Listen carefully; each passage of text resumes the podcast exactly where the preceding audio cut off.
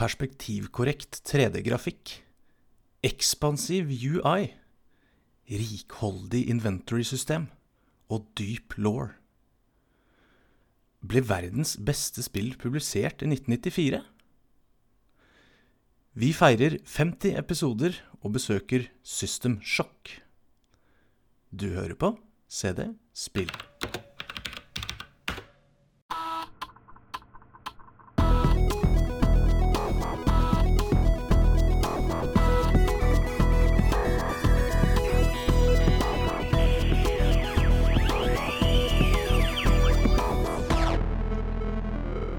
Velkommen til CD Spill, podkasten hvor menn over høyden snakker om spill på høyden eh, på datamaskiner eh, med operativsystem som var også på høyden på 80- og 90-tallet. Jeg heter eh, Sigve og er den mest kunnskapsløse og ubrukelige pro-gameren du finner, i hvert fall i denne delen av Europa.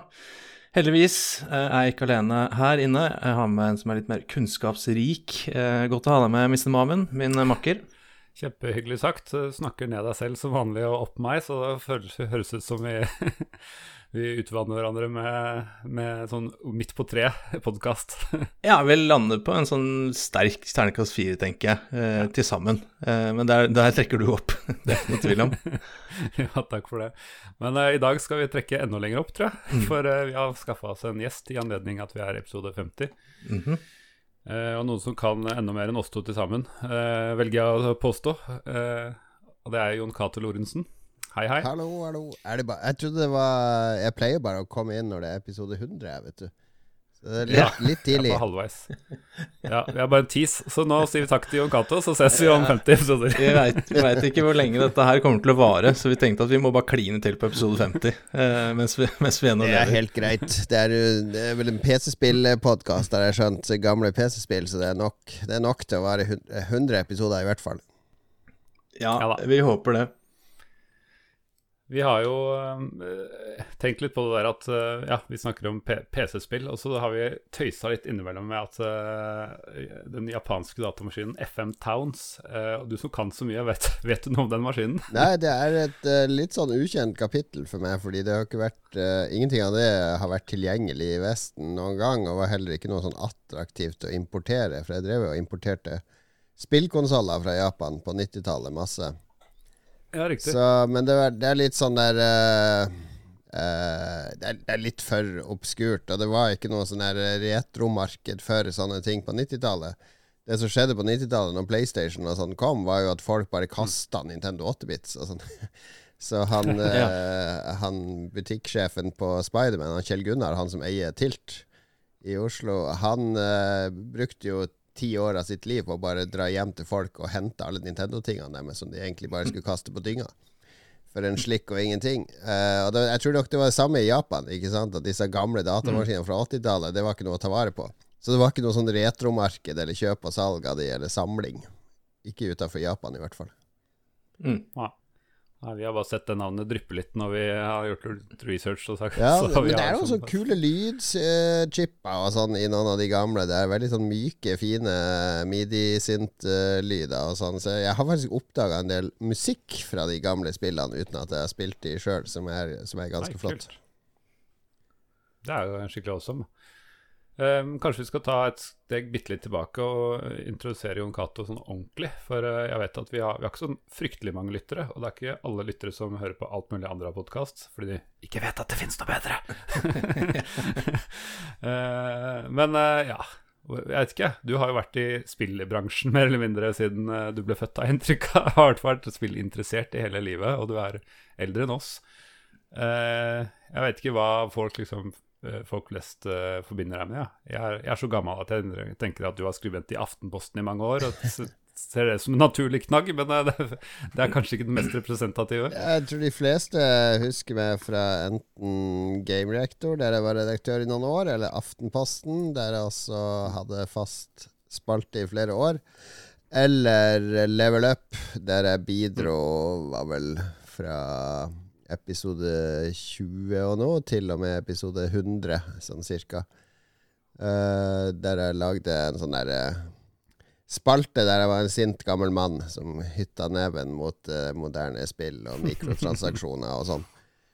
Så det var vel Level Up som jeg blir mest gjenkjent for, i hvert fall var det en periode. Men nå er det sjelden at folk kjenner meg igjen. Og nå er det jo Jeg holder jo på med Lolbua og, og spillquiz og litt sånn der uh, spillevents. Uh, det er en, en, greie til helga som heter Spillprisen. Der skal jeg være DJ, f.eks. Det er for hele den norske spillbransjen. Så jeg er jo med der jeg kan bidra. Det er vel det som har vært mm. mottoet mitt i alle år. Hvis jeg kan gjøre noe kult og noe kulturelt rundt spill, så har jeg lyst til å være med og løfte. Ja, jeg vil jo si du har fått til det. Du har vel uh, vært innom det meste av uh, ting som er, beveger seg i Norge, norsk spilljournalistikk og sånn, vil jeg påstå. ja, det jeg har gjort som de fleste som har drevet med spilljournalistikk eller formidling, ikke har gjort, er at jeg også har drevet et spillstudio i fem år og mm. lansert spill på PlayStation og, og Switch osv. Så, videre. så det at Den komboen er det ikke så mange som har. De fleste er jo enten mm. lage innhold om spill eller lage spill. Det er ikke så mange som har prøvd begge deler. Og det, det gjorde jeg jo Det er bare tre-to år siden jeg slutta i Krillbite, der jeg jobba i fem år og begynte i kommunen. Så det mm. ga meg jo et helt nytt perspektiv på hele Altså alt det man tror om spillutvikling når man sitter og er journalist eller lager podkast eller noe mm. sånt. Det, det, er mange Mye som ble korrigert når jeg faktisk var inne og lagde spill, og var med å gi ut og, og ja, få finansiering og sånn. Ja, Nå legger du nesten litt opp til deg, men spør hva var den største overraskelsen som du liksom ikke tenkte at uh, fungerte sånn? Nei, den uh, Jeg var vel ikke klar over hvor utrolig strikk og binders alle spill er. Altså, det er så vanvittig mye som kan gå Alt som kan gå galt, går galt. Og så gjerne 100 ting ekstra som du aldri har tenkt på kan gå galt. Og alt påvirker alt. Så det er sånn her når, når, du som fan sitter og leser at Bungie brukte ett år på å fikse en sånn heavy ammo-bug i Destiny 1 mm. Så tenker du herregud, så det, må, det, er jo bare å endre en sånn linje i koden, så må jo det være fiksa. Men nei, det, det var liksom det systemet påvirka det systemet som påvirka det systemet, som kollapsa hele det systemet. Så alt måtte ryddes og sorteres, og to mann måtte bruke seks måneder på å finne ut av det. Så det er så komplisert at uh, man blir litt sånn matt. Så jeg, jeg, var ikke klar over hvor lang tid altså, ting tar. En, en, animasjon av en figur eh, Du kan liksom påregne én animatør klarer å animere ett og et halvt sekund per dag. Så da kan du begynne å regne på hva som er i mm. type spill, ikke sant. En, eh, en, annen ting som er komplisert, er jo eh, spørsmålene som stilles på spillquiz på Tilt. Yeah. jeg har bare lyst til å plugge, plugge det litt, fordi spillquizen som du holder på, på Tilt, har vært vi har vært der ganske regelmessig før verden stengte, Mr. Mammen. Mm. og det er vel kanskje en av mine favorittsteder å tape, for jeg gjør det ikke veldig sterkt. Men uh, den stemninga og spørsmålene og underholdninga og egentlig bare hele opplevelsen første tirsdag i måneden, er det vel, ja. det, det, er helt sinnssykt gøy, rett og slett, å være i det miljøet. Og nå er jo pandemien over, har jeg bestemt meg for. Så nå er du i gang igjen. Så jeg, jeg måtte bare plugge det litt. For jeg, jeg syns det er så gøy med den tiltquizen. Ja, nei, men det er hyggelig. Altså, det, vi har holdt på med det i ti år, så det er faktisk verdens lengstlevende spillquiz. Jeg har researcha når jeg var i Krillbite og reiste rundt omkring. Og Fins det noe tilsvarende? Fins masse one-off-spillquizer, mm. eller holdt på et par ganger, og så forsvinner de. Men vår er den eneste. Vi har jo laga tror over 4000 spørsmål totalt opp gjennom årene. Wow. Så vi har en svær database med spørsmål. ja. Det er litt dumt at det ikke ble kunngjort på ikke, Facebook eller sånn, for da kunne man uh, quiza litt hjemme òg. ja. ikke så mye konkurranse av det, men uh, dere har jo sikkert brukt mye tid med det på å finne fram alle disse Det er jo både sånne lydoppgaver og bildeoppgaver ja, og Photoshop altså, og diverse som er ganske kreativt. Krever litt arbeid, vet du. Ja, alle er jo illustrert på et eller annet vis, så, mm. så de har jo det er jo det som er gøy, er jo liksom å grave opp nye spørsmål og finne på noe nytt. For vi har jo ikke gjenbrukt noe. Det, det er sikkert noen ting vi har klart å gjenta uten at vi har vært klar over det. Men uh, prøver alltid å finne på nye. jeg klarte å få det samme spørsmålet to ganger etter Da var jeg sikkert et års mellom hver gang jeg var da. Så klarte jeg å ikke huske det noen av gangene som irriterte meg grønn. det var noe med Alone in the Dark var hovedpersonen, jeg tror jeg. Jeg husker fortsatt ikke henne. Edvard. Ja, det er Edvard. Ja. Det stemmer. Nå kommer det en på tirsdag, så bare vent. ja. Men du jobba jo også i butikk, gjorde du ikke det? I, var det Akersmik? Jo da, på der jeg på en måte begynte med spill. Jeg solgte jo, eller var innkjøper etter hvert for dataspill for hele Akersmik-kjeden. Så da Da kjøpte jeg Når jeg begynte i Akersmik, det var vel i 96, tror jeg. 96 eller 97, og da var jo PC-spill fortsatt i sånne eh, store bokser. Så vi hadde hylle fulle av PC-spill, og, og vi tok jo Vi åpna jo de boksene som sto i hyllene, husker jeg. Og så tok vi ut innholdet og putta i en sånn gjennomsiktig plastpose, og de hadde vi en merkelapp på med navnet på spillet. Så sto de alfabetisk i et arkivskap bak disken. Vi kunne jo ikke ha spill ute i hyllen med med alt innholdet i, for det ville bare blitt stjålet. Og det var jo ikke sånn som CD-er og DVD-cover der du kan ha noe sånn ramme på med alarm på. Det var litt mer tungvint, fordi PC-cover var i alle mulige størrelser. Så det, jeg har pakka opp eh, noen tusen PC-spill opp gjennom årene og putta innholdet i sånne poser og stilt de ut og, og sånn. Så det var jo Ja, det var, vi var, hadde veldig mange PC-kunder på Akersmik. Jeg husker jo ja, kanskje spesielt Diablo 2 i forkant av det. Det var jo en vill feber. NRK Online-lanseringa. Det, det hadde fått så mye hype i norske aviser. Der var det masse folk som kom med dårlige sånne kontor... Skulle spille det på kontoret sitt. For de hadde lest og hørt så mye Ja. om det, og det var, det var ganske mange som ble skuffa. Første PC-spillet de skulle spille, var liksom NRK Online, som var verdens største bugfest. Så det Ja, er mange gode minner fra, fra PC-spillene.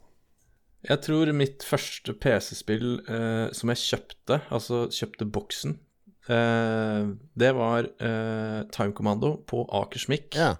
på Ski, på Ski Storsenter. Det var Så jeg, jeg husker Akersmik Ja. veldig godt, eh, for der kunne man gå og titte på spill og, og sikle på spill. Mm.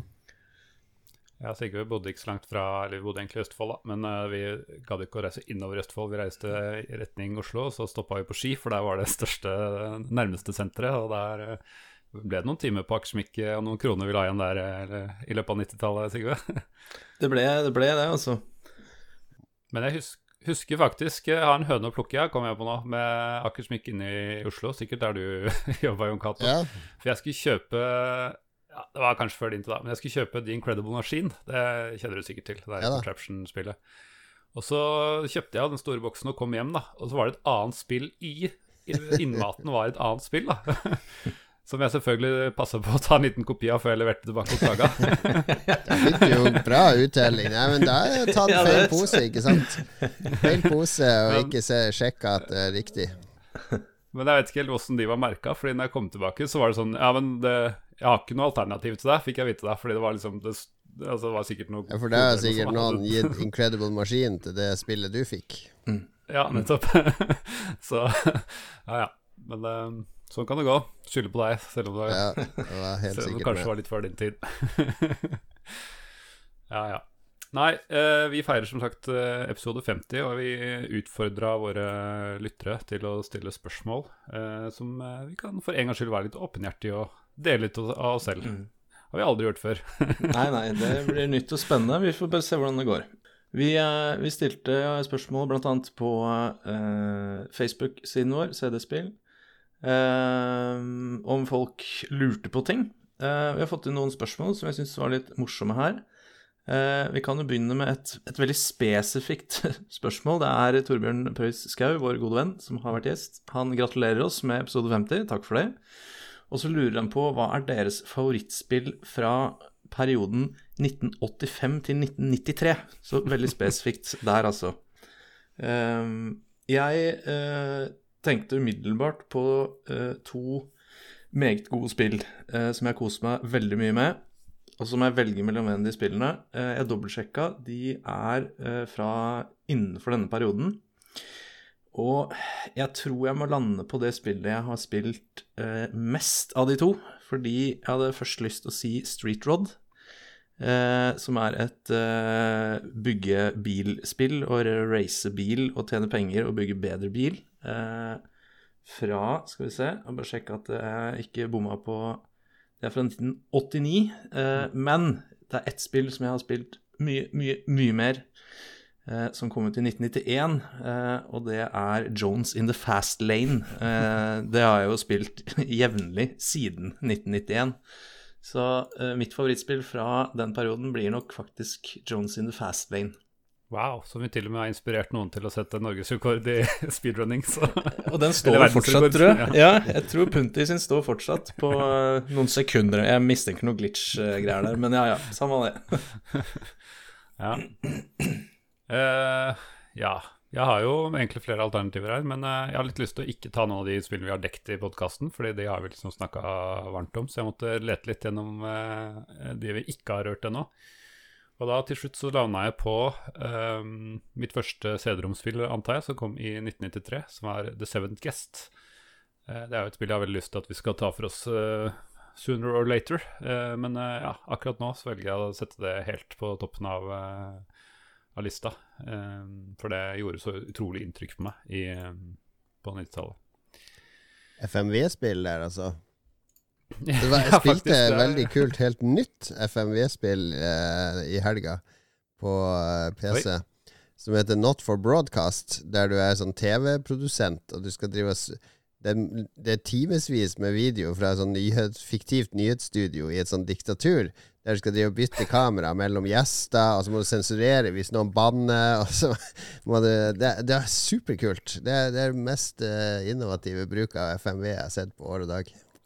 Du er helt sikker på at du ikke redigerer eh, russiske nyhetsmedier sånn on the Det, fly? det er bare at du litt ikke vet om det? too close to comfort, for det er liksom en sånn eh, diktaturregjering som, som vinner valget. Altså strammer de inn, og folk begynner å bli jakta på. Altså så sitter du der og må velge skal jeg, skal jeg dele propagandaen deres, eller skal jeg prøve å sabotere. Ikke sant? Mm. Det var ganske spennende. Hørtes ganske- Not for Hørtes broadcast, jo ganske kult ut. heter det. Jeg skal notere. Eh, hva med deg? Har du noen eh, mellom 1985 og 1993 du kommer på sånn på strak arm, som, vil, eh, som er ditt favorittspill? Um, ja, det, det som er, er mitt favorittspill gjennom tidene, er jo fra den perioden. Det er jo et spill som heter Whizball, som kom på Commodore 64, som var laga av uh, Sensible Software. De som ble vel mest kjent for Sensible Soccer etter hvert på Amiga og PC. Men Whizball var når han John Hare og Chris Yates, det var de to. Chris Yates som programmerte, og John Hare som designa og lagde grafikk. De, de skulle egentlig bli et punkeband. De var jo bare to unge gutter som var veldig glad i å drikke og røyke tjall og var litt sånn drop-out fra skolen. Men de lagde de, noen av de mest sykt kreative spillene i denne perioden. Og Whizball var et av de, der du er en trollmann i en sånn flyvende ball som ser ut som et sånn rundt monsterhode. Eh, og så må du powere den opp ved å, ved å først bare sprette den rundt.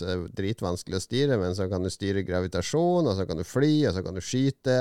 Så kan du tilkalle en liten sånn eh, sideromskip som kan samle Du skal samle inn maling for å male verden som har blitt svart-hvitt. Det er det det går ut på. Dreper masse fiender og fascistisk eh, Det er sånn fascistpatrulje som kommer og prøver å ta deg. Det er så britisk. Det er sånn der britisk satire, surrealistisk, og musikk av Martin Galway, som var den beste på Commodore 64. Så jeg, jeg, det har jeg runda utallige ganger. Veldig mye sånne britiske spillhus fra den tida som hadde veldig mye av de egenskapene du forteller. Men eh, ja, er det noe du kunne ønske at kom i en eller annen form for eh, ny versjon eller noe sånt? Eller er Nei, egentlig ikke. Jeg spiller det av og til på emulator fortsatt, og det holder seg Ja, veldig bra. Kontrollen og alt er spot on, så det er ikke så Jeg vil ikke, jeg vil ikke forringe den opprinnelige opplevelsen. Nei, det er bra. Vi kommer oss videre. Eh, Sleng, slenger inn en, eh, en kommentar her fra Eivind Johansen. Han vil bare si hei og gratulerer med episode nummer 50. Moro å høre på dere. Takk for det, Eivind. Eh, Så kommer han godeste Jørn Inge J. Henriksen. Han har vel vært gjest hos oss, han også. Eh, hyggelig gjensyn, Jørn Inge. Uh, han lurer på hvilket spill har dere elsket, men som andre ikke var særlig begeistret over? uh, og hvorfor. Da vet jeg ikke om det er elske eller manglende begeistring, men et Ja, spill du har elsket. elsket, da, som Oi. ingen andre var særlig begeistret over. Har, hva har du der, uh, Mr. Mamen? Nei, den tenkte jeg litt på. Den var vanskelig, fordi du har jo eh, Du kan jo tolke det to veier. Du kan velge som ikke så veldig mange andre er begeistra fordi de ikke har hørt om det. Jeg har veldig mye sånne små perler. Mm. Eh, men det tenker jeg det, det, det dukker opp her på podkasten innimellom. Det, vi tar for oss de òg. Så er en av de eh, som kanskje andre var litt lunkne for, da, så det er ikke så veldig mange av de heller. Men eh, jeg velger Kanskje litt merkelig valg, men jeg velger å dra fram The Sims. Og det høres litt rart ut, for det er en av verdens mest solgte spill. Men eh, jeg føler likevel at det, ble liksom definert som at det var ikke et ordentlig Det var liksom, det var jentespill, og det var liksom Det var litt Ja, det var liksom noen som prøvde å eie det der og mente at det ikke var et ekte spill. Eh, det er jeg helt uenig i. Jeg syns det var helt fantastisk. Og i hvert fall eh, de første par spillene i den Sims-serien. Og så ble det jo selvfølgelig altfor mye de, de, nedlastbart innhold og mini-expansions og masse, masse rart etter hvert. Men eh, det, sånn er det. Nå er Electronic Arts for kloa i det. ja, Jeg så det var salg på, på Sims 3 med hele DLC-porteføljen. Eh, og det var vel snakk om en 4000-5000 kroner fortsatt på Sims 3, altså, hvis du skulle ha hele. Um, Jøye meg, ass. ja. Jeg, eh, jeg kom på en eh, konflikt ja, som jeg har hatt med deg, Mr. Mammen. Eh, for jeg har et spill jeg elsket, men som andre ikke var særlig begeistret over. Eh, og det var eh, PC Altså, det var mange versjoner, men dette var da PC-DOS-spillet eh, Home Alone. eh, som vi har toucha innom i en episode. Eh, ja. Som er et eh, sidescroller-spill fra tidlig 90-tallet, hvor du eh, flyr rundt i Home Alone 1-huset. eh, og har en begrenset tid på deg til å sette opp feller for at etter hvert da kjeltringene kommer og skal ta deg.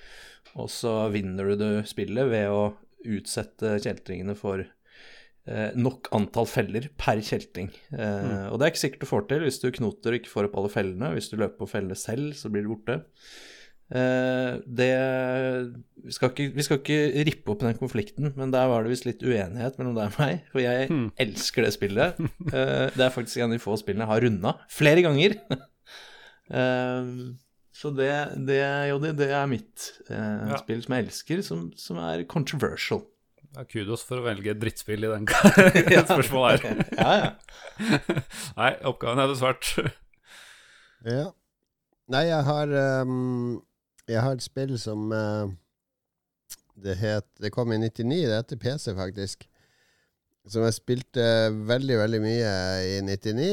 uh, men det ble slakta overalt. Det er laga av, eh, av uh, Rockstar North, som står bak GTA og sånne ting. Men det heter Wild Metal. Lemmings.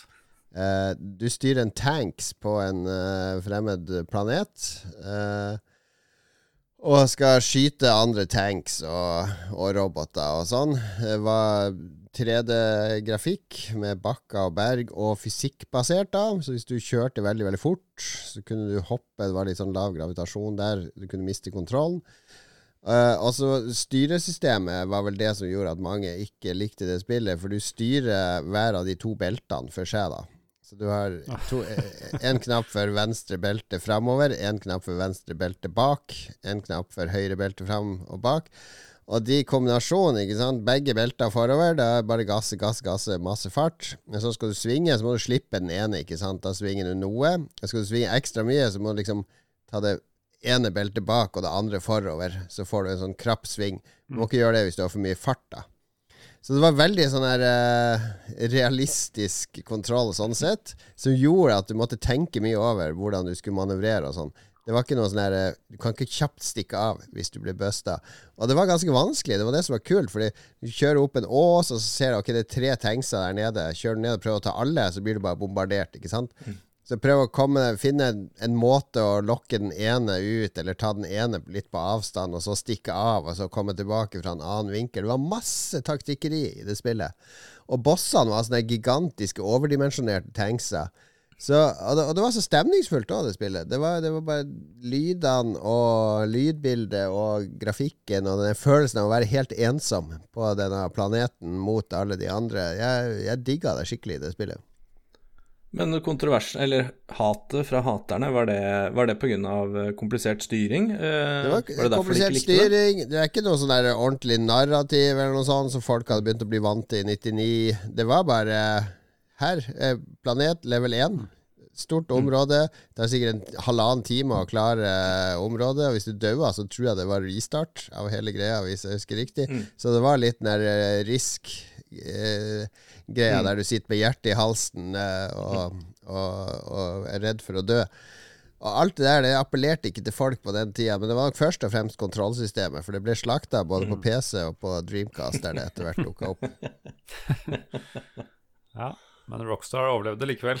Ja da, de gjør det, men det er det er, jeg ser nå der googla litt på nettet, det er, det er en sånn bitte liten community som har den samme oppfatninga som meg, at det er en sånn skjult perle. Det er, og det er, det er min sånn skjulte perle. Det er ingen andre jeg har møtt som, som har noe forhold til det spillet i det hele tatt. Herlig. Jeg må jo nevne nå på neste spørsmål her at eh, jeg stilte jo spørsmålet Eksempel på spørsmål kan være 'Hvordan ble vi kjent?' og 'Hva var vår første datamaskin?' Bare å spørre. Og da har jo Vidar eh, Syrtveit spurt nettopp eh, 'Hvordan ble dere kjent?' og 'Hva var deres første datamaskin?' Vi, Så, vi, hvordan vi ble vi kjent? Ja, vi ble kjent.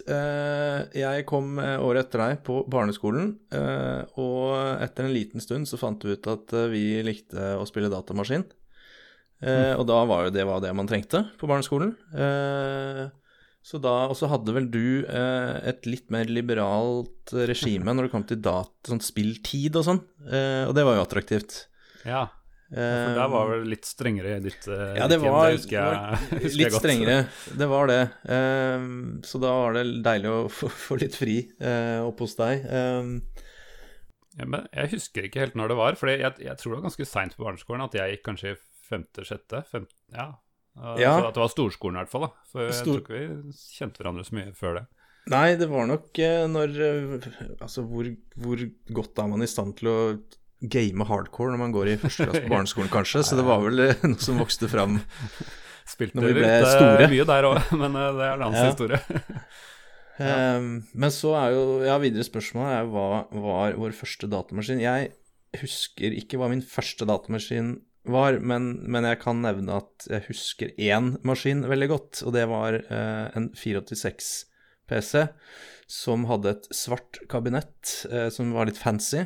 Eh, et, en uheldig del av den fancy delen var at det kabinettet det kunne låses med nøkkel. Ref. eh, spilltid og begrensning på datatid. Eh, nå er det gått så lenge siden at eh, det straffbare forholdet er vel foreldet. Jeg fant den nøkkelen, eh, og det sa jeg selvfølgelig ikke noe om. Så jeg hadde en lang periode så hadde jeg fri spilltid fra skoleslutt til arbeidstidsslutt. For jeg visste hvor nøkkelen til kabinettet lå. Bare sørge for å ha låst igjen og skrudd av innen Ja. eh, mor og far kom, kom hjem. Ja, og late som ingenting. Ja. Skjønner. Eh, ja, jeg tror nok du hadde en eldre PC enn det, men min, min første var en sånn 8088. Eh, og det vet sikkert ikke folk hva er engang. Kanskje til og med Jon Cato må rote langt bak i jernbarken for å vite hva for noen datamaskin det er. men eh, Ja, det var ikke ment som en quiz, men det var litt morsomt å se, se du ble litt paff. Nei da, det er eh, før, altså, før disse 286 eller 86-serien, så var det noe som het 88. Så det var en for, forløper til det. Jeg tror den var bakoverkompatibel med Eller alle IBM-maskiner har jo vært bakoverkompatible, så det var vel et eller annet Jeg kan ikke så mye om hardware og sånn klokkehastigheter og, og diverse, men eh, det husker jeg var den første som jeg hadde en gang på 80-tallet. Eller faren min hadde på 80-tallet, og den ble stjålet i sånn 88 eller noe sånt, så jeg hadde nok et par år før det. Og da kosta den vel en 20 000-30 000, tror jeg, så det, det, det var eh, mye penger. Det, jeg er glad ikke jeg er glad jeg, måtte, jeg bare var sånn bystander til de greiene der, og ikke måtte kjenne på den sorgen over et innbrudd og en så dyr maskin hadde. Ja, for jeg husker, jeg husker veldig godt eh, en 286 oppe hos deg. Men da skjønner jeg at da, da er det åpenbart jeg kom inn litt senere i, i våre respektive gamingkarrierer. Eh, For den, den husker jeg godt, men den kom jo da tydeligvis inn etter ja. denne, dette traumet med den ja. bestjålne 8088-en. Ja, den eh, kom når vi flytta til Østfold. Den eh, 88 var fra, fra Asker når jeg bodde der. Men ok, Jon Cato, du, eh, du har jo hatt så mye, mye hardware og alt mulig rart. Jeg vet ikke hva du definerer som datamaskin, men det skal du få lov til å bestemme helt selv. Hva var din første? Eh, ja, den første som jeg spilte på, var en sånn Texas Instruments eh, som min onkel hadde. Min onkel var veldig eh, Han var sjef for Tollpost Globe i Harstad, som etter hvert ble ja. Utskjelt til Post Nord. De ble vel absorbert av Post Nord. Eh, det var etter han var ferdig der. Men han var veldig sånn datainteressert. Eh, han har spilt Flight Simulator siden Flight Simulator 1, og han er nå nærmer seg 80, og han spiller Flight Simulator, eh, den nyeste, på en ganske bra spekka PC. Så han, han, lærte meg veldig mye om datamaskiner da jeg var sånn seks år.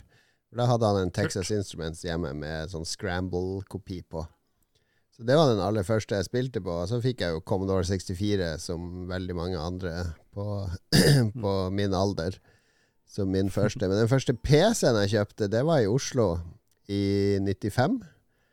Uh, eh, og det var en 486 DX2 66. Det var i 94 eller 95 jeg kjøpte den. Den var i hvert fall toppspekka på den tida. Jeg brukte halve studielånet på den. 14, 14 000 tror jeg betalte for den uh, PC-en. Det var sikkert beige. ja, den er kjøpt Ja, det var en butikk oppe ved Bislett. For jeg husker jeg hadde vært innom det. Det var en sånn liten butikk. ikke sant? Det var ikke Spaceworld eller noe ja, sånt. Det var mange sånne der, uh, lokale PC-byggerfolk som mm. lagde små spill- og, og PC-sjapper på den tida. Så jeg var der, og de hadde satt den sammen til meg, en 486 X2 eh, 66 megahertz. Og en, Hovedgrunnen til at jeg kjøpte den, var at jeg hadde hatt Amiga frem til da. ikke sant? Dette var før jeg begynte med konsoller og sånne ting òg. Men jeg merka jo at Amigaen var i ferd med å dø, og at det var på PC de spennende tingene kom. Altså mm. Tie Fighter, Doom, Ultima Underworld og mm. da, det spillet vi skal snakke om nå etterpå, det var hovedgrunnen til at jeg kjøpte den PC-en. Mm. Det var skal jeg være med der spillnybrottsarbeidet skjer, så må jeg ha en PC nå. Ja, Sigve har dessverre aldri hatt noe Amiga, men jeg har inntrykk av at de fleste syns det var litt sånn det var litt trist å se at Amiga ikke Eller ble reist ifra da, av PC-markedet. Amiga hadde jo veldig bra sånn hardware på type scrolling og, og grafikk og sånn, som PC-en lå langt etter. Uh, det er jo et veldig sånn stort steg fra PC før og etter 3D-kortene kom. Uh, det var, mm. var, mye primitivt før de 3D-kortene. Mm. Yes, Vi har ett spørsmål igjen, hadde vi ikke det på Twitter, Sigve? Jo, vi har et uh, veldig koselig spørsmål på Twitter. Uh, det er eh, Benjamin Sars som lurer på hva var favoritt-godteri eller snacksen å spise da dere var små og spilte PC? Uh, og da måtte jeg grave litt i, i hjernen, fordi det var litt Altså, godteri spiser man bare på lørdager. Eller i hvert fall der jeg kommer fra. Uh, men PC fikk jeg lov å spille litt ellers. Uh, så jeg måtte Men så kom jeg på at jeg har jo spilt en del PC og spist en del snacks hos deg, Mr. Mammen. ja, stemmer det. Og det ble jo en slags favoritt. Uh, for det var ikke frislipp, men det var litt mer liberalt. Og det vi spiste hos deg, det var Mårud sitt paprika-potetgull eh, som ble skylt ned med Pepsi, ikke Pepsi Max, men altså sukker-Pepsi. Og når vi hadde spist det en hel dag eh, som eneste næring, så ble i hvert fall jeg ganske kvalm, husker jeg. Og da var løsningen å gå på kjøkkenet, og dere hadde en sånn sjukt fancy eh, toastjern. Sånn, der, sånn som man har på restaurant, ikke sånn der, eh, det du kjøper for 100 kroner på Elkjøp.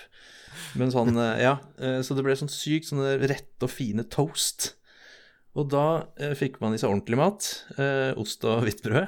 Eh, og da forsvant kvalmen, og så kunne vi fortsette å spise paprikapotetgull og drikke Pepsi, da. Så det, Benjamin, det er nok min eh, favorittgodteri, eller snacks, da, fra, fra gamingtiden da jeg var veldig, veldig ung. Ja, det var et herlig spørsmål. Jeg kan ikke si, jeg kan jo gjenta det samme som Sigve sa, men, men, det blir ikke så mye vits. Det var eh, gikk Pepsi og paprikapotetgull som jeg, eh, jeg må innrømme det er en favoritt. En gang iblant så unner jeg meg det så er jeg fortsatt, jeg. Men eh, det er ikke så ofte kanskje som, som på 90-tallet. Nei, det blir litt på nostalgien, men det er jo, det er jo godt, da. Ja, det er jo det. Ja, men Eion Cato, husker du noe spesielt godteri du koste deg med foran om det var PC eller, eller noe annet? Jeg husker vi hadde jo det som het stjernepose, der du fikk sånne Kiss-kort. Mm. Jeg var ja. det var ikke noe bra godteri oppi der. Det var jo bare fordi Kiss-kortene Men jeg tror Mm. min favorittsjokolade på den tida var en som heter Femminutt. Som var en litt sånn der eh, puffy rissjokolade med ja, Det var et eller annet med den som vi, jeg og en kompis som heter Simon, vi kjøpte det alltid når vi skulle spille. Ha. Ja, kult. Jeg lurer på om vi kanskje har holdt på nok med holdt på å si, introduksjonen og fe- feiringa av 50, episode 50, og begynne med det vi egentlig skal prate om.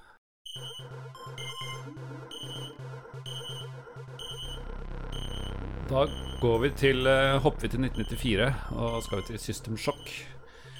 Eh, det er utvikla av eh, Looking Glass Technologies og utgitt av Origin.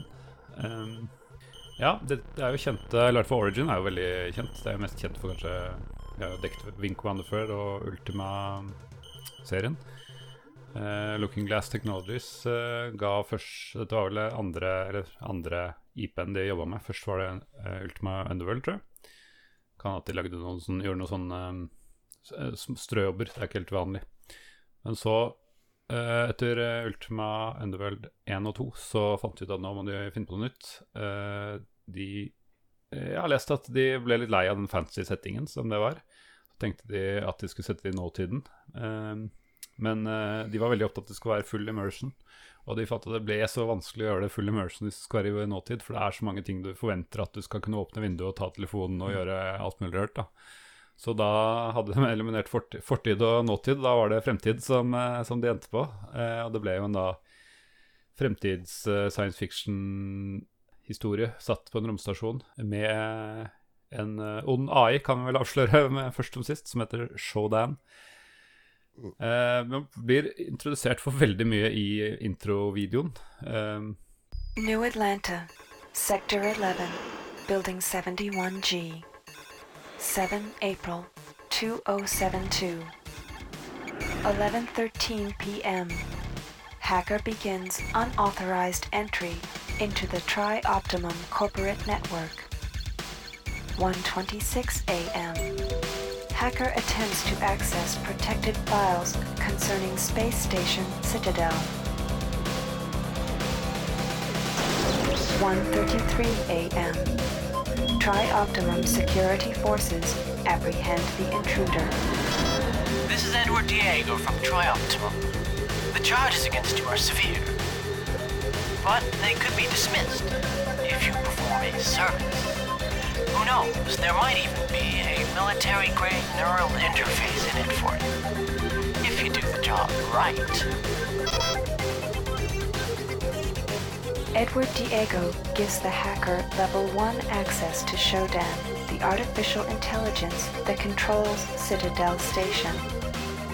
With all ethical constraints removed, Shodan re-examine, re re re re I re examine my priorities and draw new conclusions. The hacker's work is finished, but mine is only just beginning. True to his word, Edward Diego allows the hacker to be fitted with a neural cyberspace interface. The healing coma following this procedure will take six months to complete. Edward Diego is deleting all files concerning these events.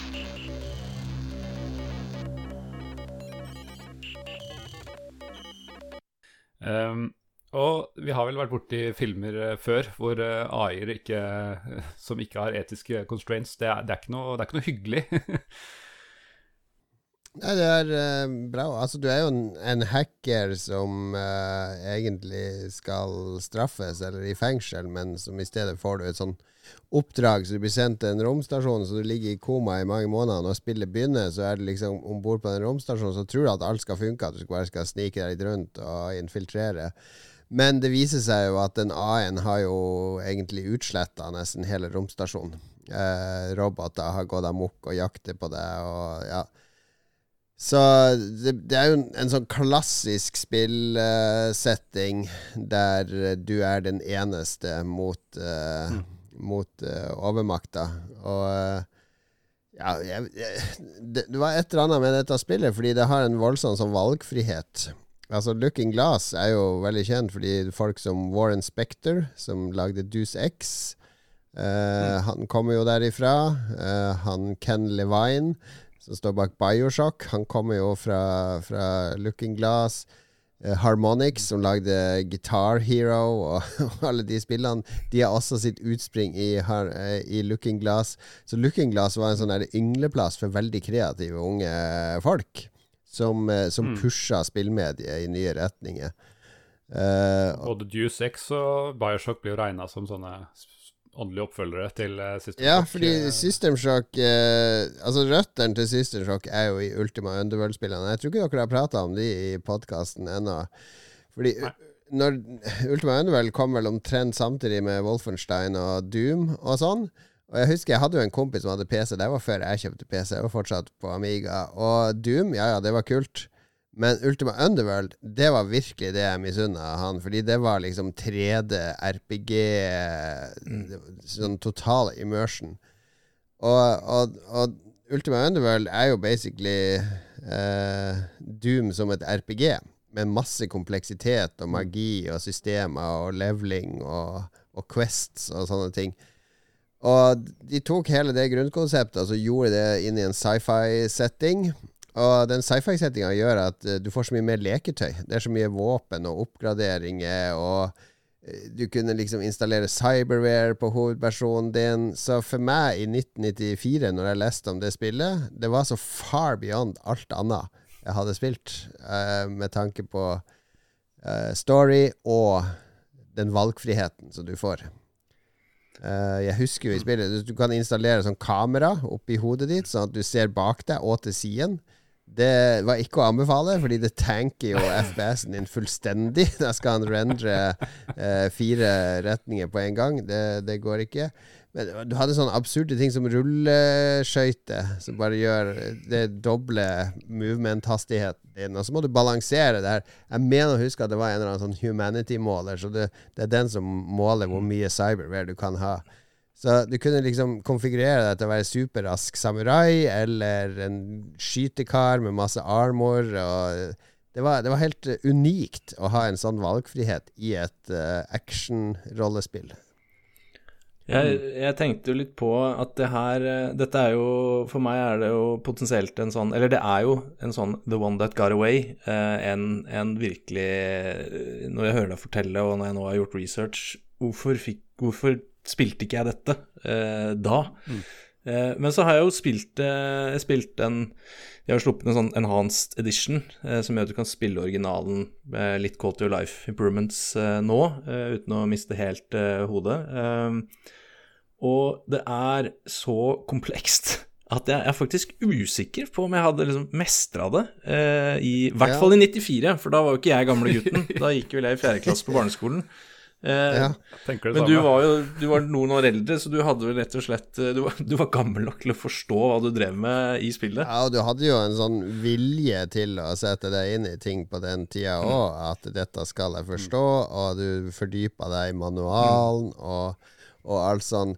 Men det var veldig komplekst, og det ble ikke mindre komplekst at jeg hadde en sånn der um, cyberspace-seksjon òg, fordi jevnlig i det spillet så skal du hacke sånne terminaler.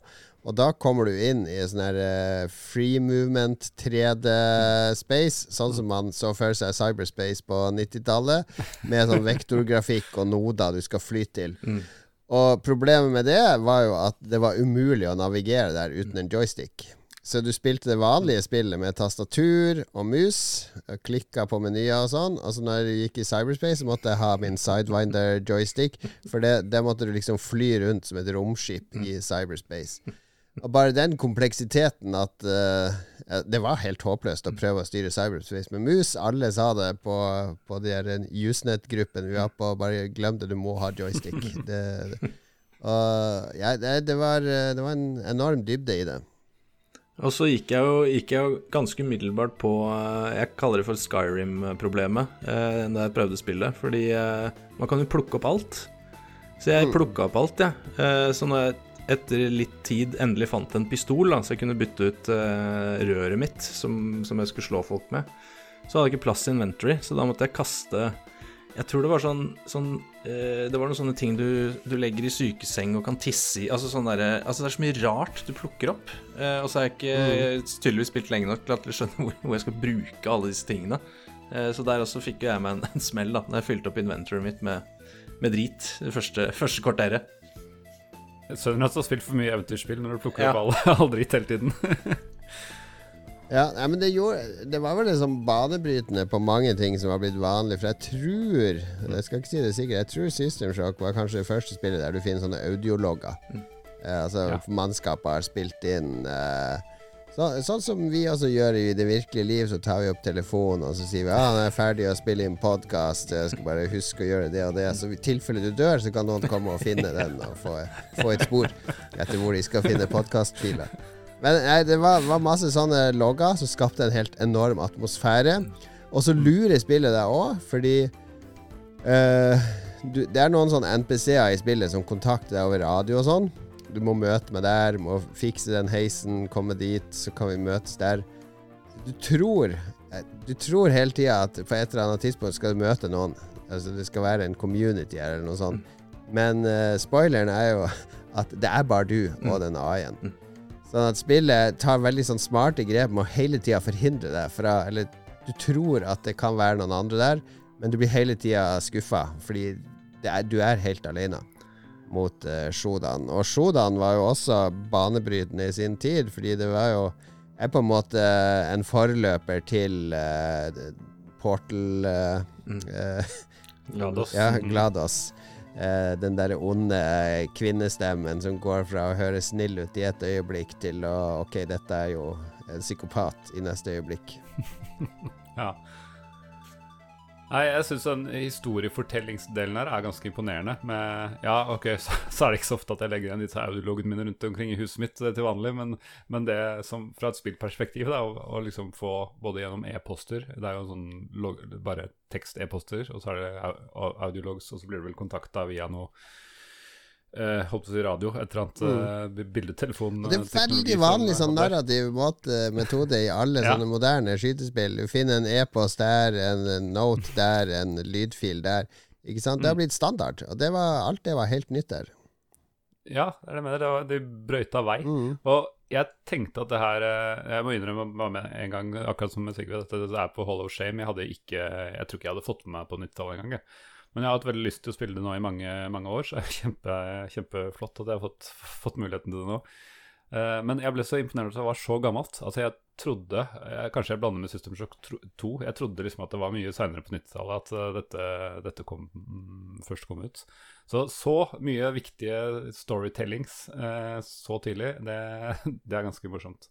Ja, nei, det var langt forut for sin tid, og det var nok derfor Altså, det solgte vel eh, mellom 100 og 200 000 eksemplarer, som var ganske bra for et PC-spill da, men det nådde aldri sånn giga mainstream audience, for det var rett og slett for, for komplekst til å bli, eh, bli mye større. Men for oss som var sånn hardcore PC-spillere og gamere, så var det, var det helt fantastisk. Jeg setter jo veldig pris på den, eh, den standarden de etablerte med logs, eh, for jeg er jo notorisk for å ikke orke law. Eh, og jeg så en take på det der i en, en eh, review eller en dokumentar på YouTube på, uh, som eh, nok bekrefter det her med at de var en av de første, eller kanskje de første, som brukte logs fordi de hadde hatt en del dialog i Ultima-serien. Men så syns ikke det, de syns ikke det Det var ikke noe immersive, det funka ikke. Eh, fordi du er en open world, og du har dine tanker og dine planer og dine bevegelser, og så skal du plutselig inn i en litt sånn kunstig dialog som du, mm. i hvert fall jeg, blir sittende og space meg gjennom. Eh, så da istedenfor så har vi disse loggene, så kan du velge selv om du bare lar de gå i bakgrunnen, eller om du faktisk dykker ned i de. Så jeg er jo veldig, veldig takknemlig eh, for eh, det lille trikset, eller vrien, som de etablerte der. Og så kan man selvfølgelig diskutere om det har blitt overbrukt i de senere år, men eh, jeg er glad jeg slipper å sitte og trykke meg gjennom Force Dialogue, i hvert fall. Du bruker ikke å printe ut uh, alle de bøkene i Skyrim heller? Nei, det- og, og sette inn i en perm? Jeg har, eh, jeg har den moden som gjør at de bøkene du får skills av, de lyser opp. Så, så engasjert er jeg i, i law. ja. Det er faktisk bare året etter Doom kom, eh, for det kom i 93, tror jeg. Eh, Mm. Så, og, og det er jo to år før Duke Nukem 3D, som, som jeg liksom følte var neste spill som pusha liksom 3D-sjangeren. Eh, så jeg så at dette passer midt mellom der, eller nærmere Doom. Det, det syns jeg er litt morsomt. Eh, og det er jo litt lett å bli lurt òg, for jeg trodde jo når, når du, Hvis du ser på noen skjermbilder, så er det fort gjort å tro at dette er et skytespill. Eh, sånn, sånn som Doom eller Wolfenstein eller sånn. Men eh, det er jo mye, mye, mye, mye mer. Mm. Eh, Det er jo har vært innom mye. Det er, I tillegg til masse våpen. Jeg tror det er 16 våpen. Eh, og så har du alle de power-upsene du snakker, snakket om. med ja, løpe fortere osv. Men det er så morsomt, fordi de har eh, De aller fleste av dem, unntatt sånn healing pack eller noen, har en downside. Så du kan eh, liksom gjøre at du får se bedre i mørket. For det er Mm. veldig mye sånn dynamisk lys og mørke. Men da, etter en viss tid, så ser du dårligere enn originalt. Da har du liksom fått eh, Ja. Så det er så komplekst. Det er så mange Ja, ja, muligheter. de har virkelig lekt seg. Den, den hooden i spillet Den kan jo du konfigurere Mm. basert på hvilken cyberware du har. Så Mm. du får du får jo ikke noe automap uten å ha den der uh, automap-moden installert. Ikke sant? Da, da lager spillet kart for deg og alt sånt. Så det var bare det som spiller å få ikke ting servert på sølvfat, men å måtte Hm, ja, nå tror jeg jeg skal ha på automappet, for nå skal jeg utforske et nytt sted. Altså samtidig Altså, det, det, det var, var helt sjukt, den der eh, empower, følelsen av empowerment som spillet ga deg. Hva Mm. gjør den der Berserker Stimpacken? For den prøvde jeg, og da ble alt eh, veldig, veldig rare omvendte farger. Men jeg er bare usikker på eh, om jeg ble noe raskere eller sterkere. Jeg tror du blir sånn megasterk, så du kan slå med Ja, røret eller noen riktig. andre ting. Så du blir sånn overpowered. Men jeg tror det har en negativ Ja. effekt på, eh, etterpå. Mest sannsynlig. Jeg husker, jeg har jo ikke spilt det siden 95, når jeg kjøpte den PC-en. Da, da spilte jeg det i ukevis, Mm. runda det flere ganger. Og da husker jeg den sommerferien nå, så lånte jeg den PC-en min når jeg dro til Nord-Norge. Så hadde jeg et par kompiser som bodde i et kollektiv oppe i Holmenkollen. Da lånte de PC-en, for da skulle de én etter én Mm. spille gjennom Systemsjokk. Men kom du gjennom hele spillet? Ja, ja, jeg runda det. hvor lang tid brukte du, tror du? Halvt år? Nei, det husker jeg ikke. Det er ikke så gigasvært. Eh, det, det er flere ulike sektorer. Du har en sånn der med trær, og der de har planter og lager oksygen. Og jeg husker ikke alle detaljene der. Jeg husker heismusikken. Det var veldig alltid deilig å komme til heisen, fordi den hadde den der cheesy heismusikken, og da kunne du puste ut. Ja, for musikken ellers er ganske intens. Ja, Åh, I hvert fall den der første i Medical. Den, åh, jeg, ble, jeg ble ikke lei av den umiddelbart, men det tok ikke mange minutter før jeg fikk en Ørene begynte å blø, for å si det sånn.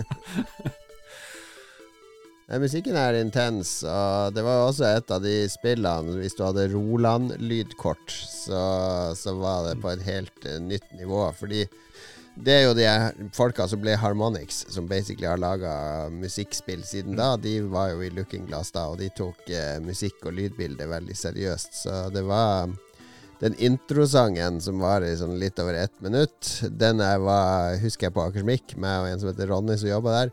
Det var liksom den låten vi brukte til å teste lydkort. Ja. Og kvaliteten på lydkort. Fordi hvis den låten eh, hørtes rik og ordentlig ut, så visste vi at da er det et bra lydkort.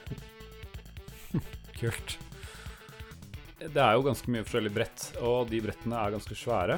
Men de er også ganske åpne. Det virker som du kan utforske det i hvilken rekkefølge du vil, omtrent. Eh, Det er, det er liksom forgreninger. eh, Og eh, som jeg irriterer meg litt over, litt, litt sånn tendens til å være en labyrint.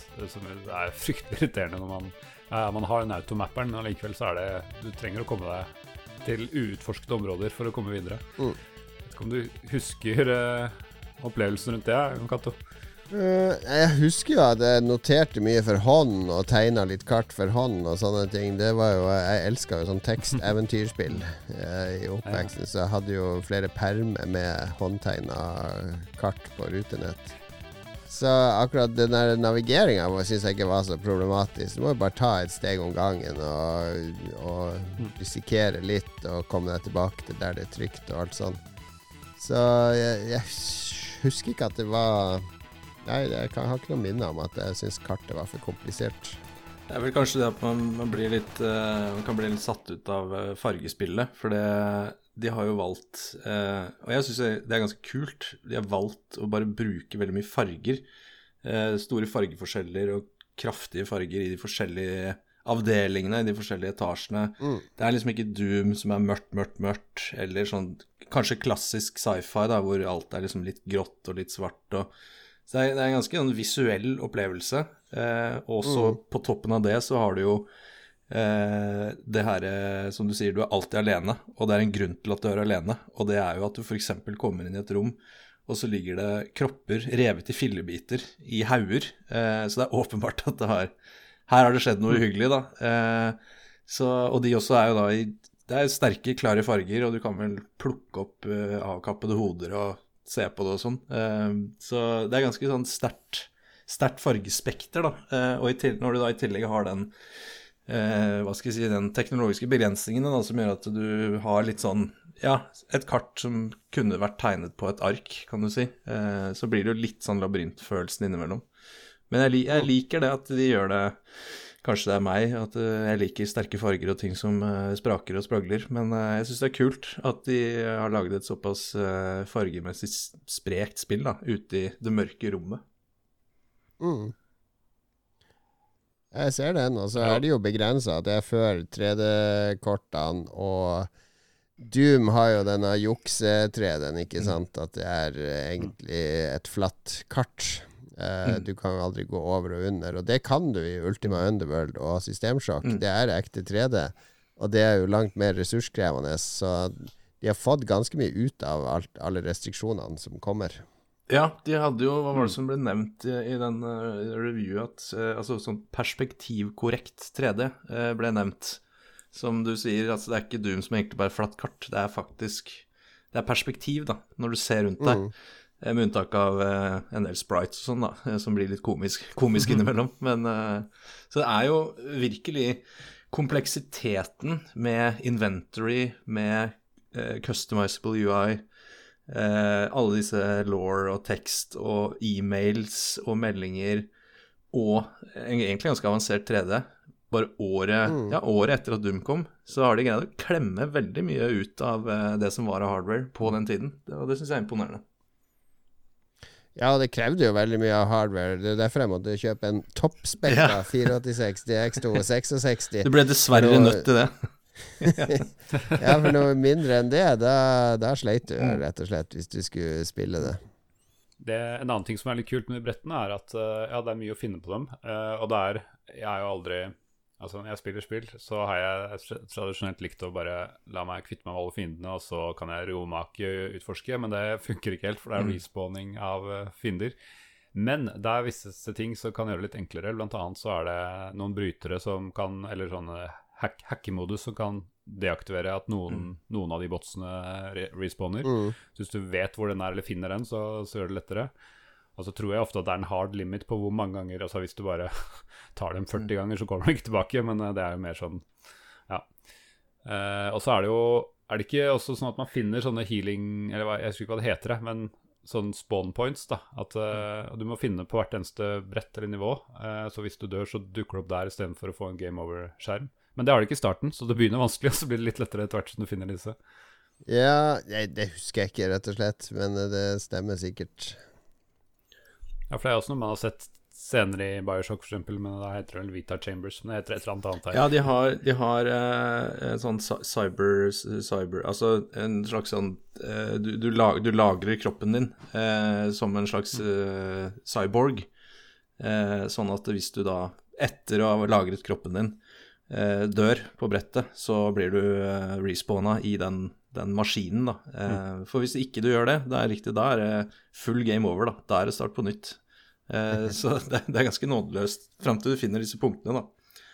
Jeg lurer jo på Et annet aspekt som de har, er jo eh, det her med showdown, som er en AI som liksom overvåker deg eller er på deg hele tiden. Eh, og en måte hun eh, overvåker deg på, er jo overvåkningskameraer som er overalt. Eh, og åpenbart skal du selvfølgelig skyte de eller slå de i stykker. Eh, og da reduseres liksom overvåkningsprosenten. Eh, men jeg vet ikke, fant du noen gang ut Jon Cato, om det har noe effekt å å ta de kameraene, eller om det bare er en slags tilfredsstillelse over achievement underveis. Ehm, ja, jeg husker jeg var jo var på, på de, Mm. men jeg tror vel egentlig det bare var for å låse opp noe Altså føle en prestasjon. Eh, Tror det er noen rom du kan låse opp, eller som blir låst opp når du får senka de under visse nivåer. Ja, for jeg Men tror, om det er kritisk rom eller bonuscontent, Jeg vet ikke. Ja, fordi det, instruksjonene har sånn kontrollnivå på hvert level, og jo flere kameraer du tar, jo lavere er det kontrollnivået. Og hvis du får det under en viss grad, så plutselig kan det være en dør som blir låst Mm. opp fordi shodene har mista kontrollen. Mm. Og der er jo selvfølgelig da siffer nummer tre, f.eks., som du trenger i en kode, som da skal brukes i riktig rekkefølge senere for å åpne en annen dør. Eh, så der er det vel, det er sant, der er det vel en effekt av de kameraene, at du får unlocka sikkert litt goodie, goodies òg, men også at du rett og slett får unlocka videre, videre av spillet, da. Ja. Det er vist eh, visstnok en kode der som er, eh, blir generert på nytt hver gang du starter spillet, så du er nødt til å Eller du kan alltid gå fram og tilbake og finne tilbake til gamle steder, heldigvis, men, eh, men du bør når du, Hvis du vet om det, så notere det når du ser dem, så, for du kommer til å trenge de tallene. Det virker som det er lurt å ha penn og papir når du spiller et spill her. Det virker Ja. fornuftig. Alltid lurt å ha penn og papir. Det er sant. det er sant det gjelder ellers i livet òg. Det var sånn det var. Kanskje ikke glemmer så mye avtaler hvis jeg hadde Ja. Men eh, 16 våpen, det er mye, ass, til å være så, så gammelt spill. Eh, eller det er 16 sånn, holdt på å si, vanlige skytevåpen, eller vanlige våpen du holder i henda, men i tillegg så har du sånn granater og sånne sprengvåpen. Og også i cyberspace har du det eget sett med våpen, ikke så veldig mange riktignok, men det er fryktelig mye Ja, du hadde vel til og med en slags lyssabel, hvis jeg husker rett. En sånn laser-rapier. Ja, Hadde du noen favoritter, eller var det noen andre kule ting? eh? Nei, jeg husker jeg brukte mye pistoler. Altså, det var litt avhengig av ammo og sånn. Og så er det jo forskjellige våpen funker forskjellig på fiender. Eh, Strøm mot roboter, eksempel. Og, og ren kraft mot uh, de der muterte menneskene. Så det, det handla bare om å tilpasse seg situasjonene. Det var noen skikkelig uh, gufne fiender som, som du måtte være godt forberedt på. Jeg, kom, jeg ble ikke utsatt for de da jeg spilte det selv, men jeg så det på en Let's Play, og det var de derre uh, usynlige uh, fuglene, eller hva jeg skal kalle de. Sånne uh, Ja, det er, det er en fugl som er usynlig, eh, som begynner å angripe deg. Og så har du Ja. ikke sånn directional skadeindikator. Du får bare røde streker. At noen skader deg et eller annet sted. og så må du finne den der fuglen da, før den, den knerter deg. Jeg er egentlig glad jeg bare så den på en Let's Play, og ikke ble utsatt for den i, i virkeligheten. Ja. Jeg la merke til at uh, Ja, er det ikke også sånn at du har forskjellig ammo til uh, De samme våpnene kan ha ulik ammo?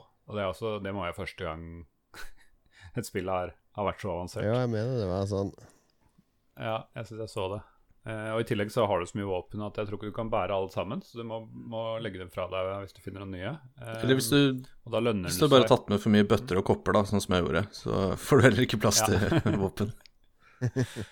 Jeg har merket at du har en vaporize-knapp i, i UI, så jeg antok at det bare fikk du hvis det var ubrukelig eh, trash, og ikke, ikke et viktig våpen du fikk muligheten på, til å gjøre det på. Mm. Jeg har også lest at det var eh, veldig Altså våpnene var veldig unike. da At du fant ikke mange eksemplarer av dem. Så hvis ikke du utforska de Kanskje hvis ikke du klarte å få showdance sikkerhetsnivå eh, ned til en viss prosent, så fikk du aldri tak i visse våpen. Så det, det er ganske kult. Det er nok å gjøre det der hvis du er sånn completionist. Ja. Ja, for jeg, jeg skulle til å spørre, er det Du hadde flere gjennomspillinger. Da er det faktisk sånn at du kan finne nye hemmeligheter og Altså det kan være litt små forskjeller i, i flere gjennomspillinger? Jo, eller ja Det er litt sånn uh, Hvordan du spekker det og utstyr du bruker og sånn, har litt å si med hva du hva du kan gjøre, men uh, jeg husker ikke helt hvorfor jeg spilte gjennom det flere ganger. Det var vel egentlig bare fordi jeg ville ha mer. Ja, ja. Det var ikke, var ikke noe annet som Nei, kunne fylle det. ville bare være i den verden Ja. der, nettopp. Jeg kan kjenne igjen det. Jeg merker at uh, jeg har prøvd originalen. Uh, Det kom først til liksom, floppy, floppy disk, og Mm. så CD-rom noen måneder senere. Og det, jeg leste at de hadde egentlig ikke lyst til å gi, gi ut diskettversjonen, for uh, de mente at det, dette må jo Dette bør oppleves med ordentlig, Ja, du får ikke voice uh, Alle voice-actinga er jo kun på CD-versjonen, så alle de loggene blir litt sånn mindre effektive. For det er vel eh, Ja. stort sett ansatte og venner av folk i Looking Glass som er skuespillere på de loggene, men det fungerer helt fint. ja, ja. Eh, også intro, eller videoene, er også sånn interlaced. Så det er helt Jeg så det først, en sånn floppy versjon. Jeg skjønte ingenting. så, så hva som skjedde. Så, så det er flere ting. Um, men det var visst eh, er publisher, da, typisk publishere, som sa nei, vi må ha diskettversjon. for Ja, det var det er jo ikke nok som har Jeg tror det var, eh, det var noe det- juleferiegreier. Jeg tror det var det. De skulle treffe julesesongen. eh, Og da fikk de bare klemt det ut på, på ni eh, floppy Ikke floppy-floppy, men harde floppy. Og så fikk de rota seg til å få det ut på CD da over, over nyåret, som da var bedre oppløsning og med eh, ja, ganske interessante voice acting eh, performances fra, fra basically venner og familie til de som lagde spillet. Det var også en ting som er skikkelig irriterende. Jeg, jeg em, pleier alltid å skru på tekst når jeg spiller spill, fordi jeg ikke alltid orker å høre alt og, og sånne ting. Men jeg tror de eh, skrev om dialogen litt når du spilte inn i voiceoverne, så teksten stemmer ikke overens med det hun sier. Sånn, til en viss grad gjør det jo det, men, men det er ekstremt irriterende å prøve å følge en tekst som ikke stemmer med det du hører, så det var nesten mer irriterende enn å ikke ha det på. Det kan nesten virke som de Ja, hadde en liten kan- crunch på vei inn i den CD-publiseringen. CD-rom-publiseringen. Det kan godt eh, være. Det var jo relativt nytt med voice acting òg på denne tida. Før det hadde det bare vært noen sånne få linjer, ikke noen sånne lange monologer som det var her. Så det var jo nybrottsarbeid. Men eh, når det er sagt, med lydeffekter og alt mulig rart, så jeg syns det funker er effektivt. Jeg, blir, eh, jeg føler stemninga på den romstasjonen når jeg, når jeg hører det. Toucha, vi toucha innom law innledningsvis, kanskje? Ja, det er ikke voldsomt mye law. Altså, det ble jo en oppfølger, Systemshock 2, som bygger videre på det. Det var Ken Levine som senere lagde Bioshock og sånn, som eh, ehm, Jeg syns ikke Systemsjokk 2 er like bra, fordi den tar liksom og skreller bort mye av kompleksiteten. Altså beholder mye av det som lager stemninga, og det er et kult spill. Men det er på en måte eh, en simplifisering av ambisjonsnivået til det første. Um, men det er, det er verdt å spille. Altså det, det gjør veldig mye riktig. Uh, og så føler jeg at det er en sånn åndelig, litt sånn moderne spill som, som er veldig i ånden til første systemsjokk, som jeg likte veldig godt. Og det er Prey fra, fra Arkane. Det er bygd opp eh, sånn narrativt, og, og den der lekenheten med å konfigurere De, de karene som lagde Prey, det er jo de som har laga Dishonored og sånn de kan det der med å gi deg litt sånn eh, eh, valgfrihet til hvordan du skal approache ting og løse ting. Så Pray, Prey, det er jo samme konsept. Du er trapped på en diger romstasjon, og det er masse eh, aliens og annet ute etter å ta deg. Så jeg syns det, det er det nærmeste jeg har vært systemsjokkopplevelsen i moderne tid. Det er spillet Prey. Ja, det, Du nevnte jo litt med forbedringene på System Shock 2. Det må jo sies at det verste meneren i å spille i dag er kontrollene. Så, uh, hvis du ikke spiller den Enhanced Edition, så har du ikke noe mouse look, for det var vel ikke Nei, nei det, var, det er det samme hvis du prøver Ultima Underworld, for de, de får du også Ja. på GOG uh, Mm. nå. Og de, jeg spilte litt av Ultima Underworld for et par år siden, og det er den store greia der er jo at uh, du skal trykke på sånne piler Mm. på, med musa for å bevege deg. Det er ikke noe mouse look og sånn. Det er en pil for å gå fram, en pil for å snu seg til høyre, og alt sånn. Eh, det, det er veldig lite intuitivt når du er vokst opp med moderne kontroller. Det funker ja, ja, ja, Det er sikkert fordi jeg har spilt det før, men jeg klarte å omstille meg tilbake til det.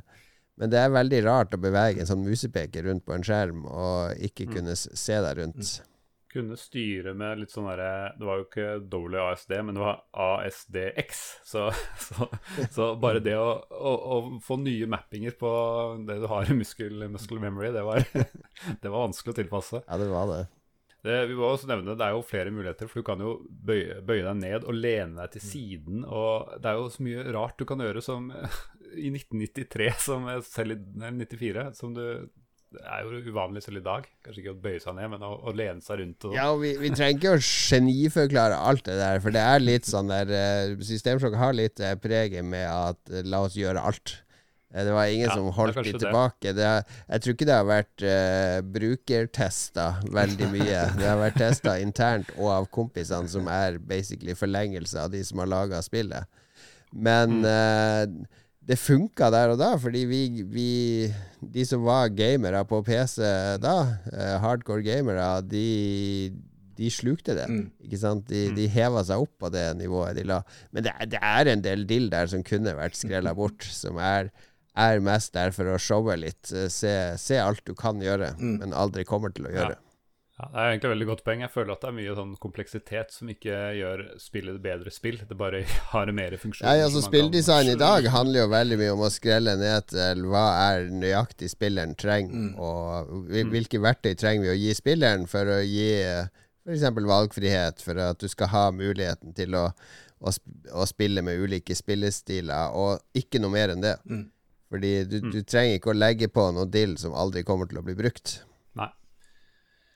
Jeg merka jo selv at eh, jeg, jeg husker aldri på å lene meg rundt hjørnene. Jeg bare gikk rett på, og det så ut som de fleste på de jeg så spilte på, på YouTube og sånn, gjorde, gjorde samme approach.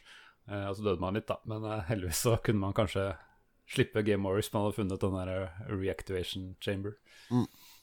Ja. Jeg titta i manualen, den var 47 sider lang, tror jeg det var. Det er jo det jeg savner Så- mest fra 90-tallet, er de store, tjukke, lange manualene. Men å lese det som PDF på PC-en, det anbefales ikke, for det, da mister du mye av moroa. Altså. For eh, det var tungt. Jeg tenkte at jeg skulle forberede meg å lese mesteparten, men jeg, jeg- kom meg ikke gjennom den. Det ble for mye, eh, rett og slett. Men eh, kult. Det er sikkert en, eh, eller åpenbart en fantastisk jobb som er gjort med å, med å skrive låren her og skrive instruksjoner om åssen ting funker og, og alt sammen. Glosebok på slutten, til og med. Vi har eh, spurt eh, der ute på Facebook om noen eh, kjenner til eh, dette spillet. Eh, og Trond Sneås Skauge sier Syns å huske at det var en nokså framifrå hacke-minigame i dette? Eh, ja, det var, det var minigames inni der også. Eh, mest tid har jeg nok rett brukt på å prøve å få til det å kjøre med mods for å forbedre grafikken. Ja, det kan jeg forstå. Uh, Jeg vet ikke om du har prøvd en Enhanced Edition, uh, men prøv den. Den funker ganske bra. Toeren var awesome, men ikke nok til at jeg har plukka dem opp igjen, trass lang lagring i Steam-biblioteket. En litt sånn ambivalent anbefaling av eh, System Shock 1 og 2 der på Facebook. Jeg kan jo fort nevne at Enhanced Edition eh, ja, Du var så vidt innom det. Der eh, kan du få Mouselook, eh, heldigvis. Det var også en mod som kunne på litt, noen år før, som var en portable edition, tror jeg. Som det var basically det. Tok, tror du tok, utgangspunkt i den når du lagde Enhanced Edition, som var offisiell. Men uh, du må fortsatt bytte. Sånn, Du Du må trykke på E, er det vel, så får du mouselock, og så trykker du 1 for å komme Fordi du har jo så komplekst brukergrensesnitt, så det går ikke an å bare gjøre alt om til en liksom, FPS-spill. Så, så ja, det gjør det litt lettere, men eh, ikke helt elegant. Det er jo uh, naturlig da, uh, som du er inne på med Enhanced Edition uh, og, og spillbarhet, da er det naturlig å stille spørsmålet Har det holdt seg? Og da har jeg lyst til å spørre System Shock, profesjonell spiller, superfan, Jon Cato. Har System Shock holdt seg? Vi kan vel tillate å si en Hans Edition. Jo da. Nei, altså det mm, Det er ikke tidløst. Så det, det er mer som en kuriositet hvis du skal plukke det opp og sjekke det ut i dag. Eh, fordi jeg vil ikke si at det er spillbart etter dagens standarder. Men jeg vil si, hvis du er interessert i spillhistorie og litt hvor fundamentet for så å si alle førstepersons eh, storybaserte action-eventyrspill ble lagt, så er det dette spillet.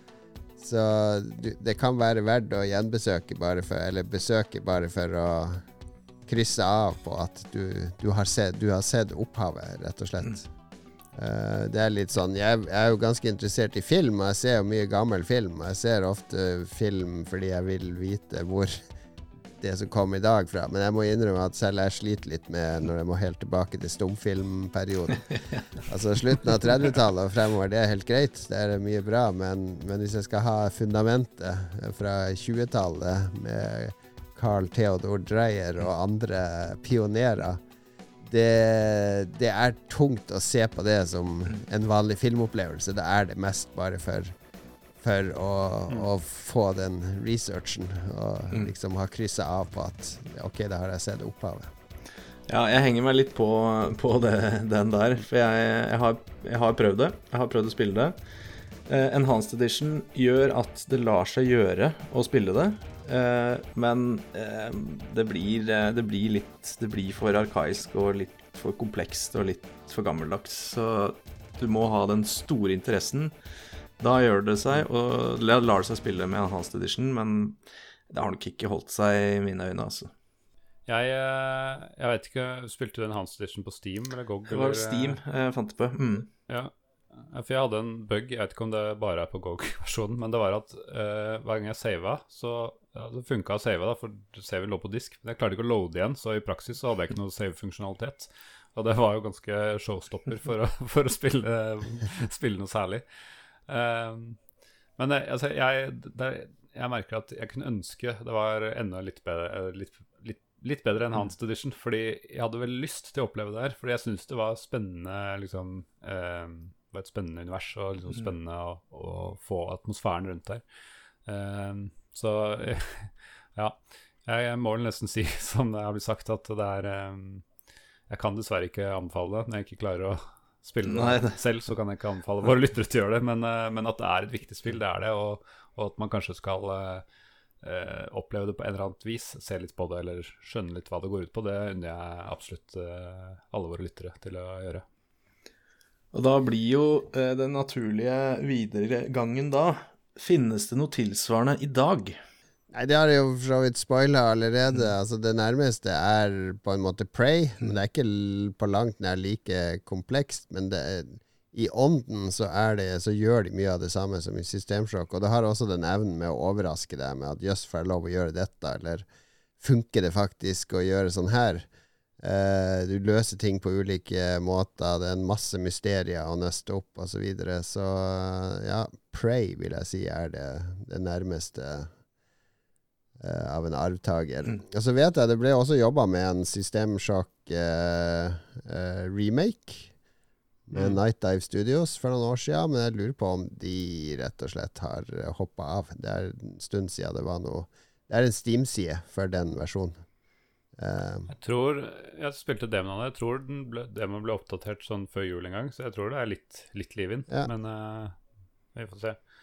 Vi får se. Jeg syns for øvrig hva, tror du om uh, konseptet, uansett akkurat hva de driver med? Tror du, er det, verdt, er, er det historien som gjør at System Shock er bra, eller er det opplevelsen sånn det var på 90-tallet? Har du noe tro på en sånn remake?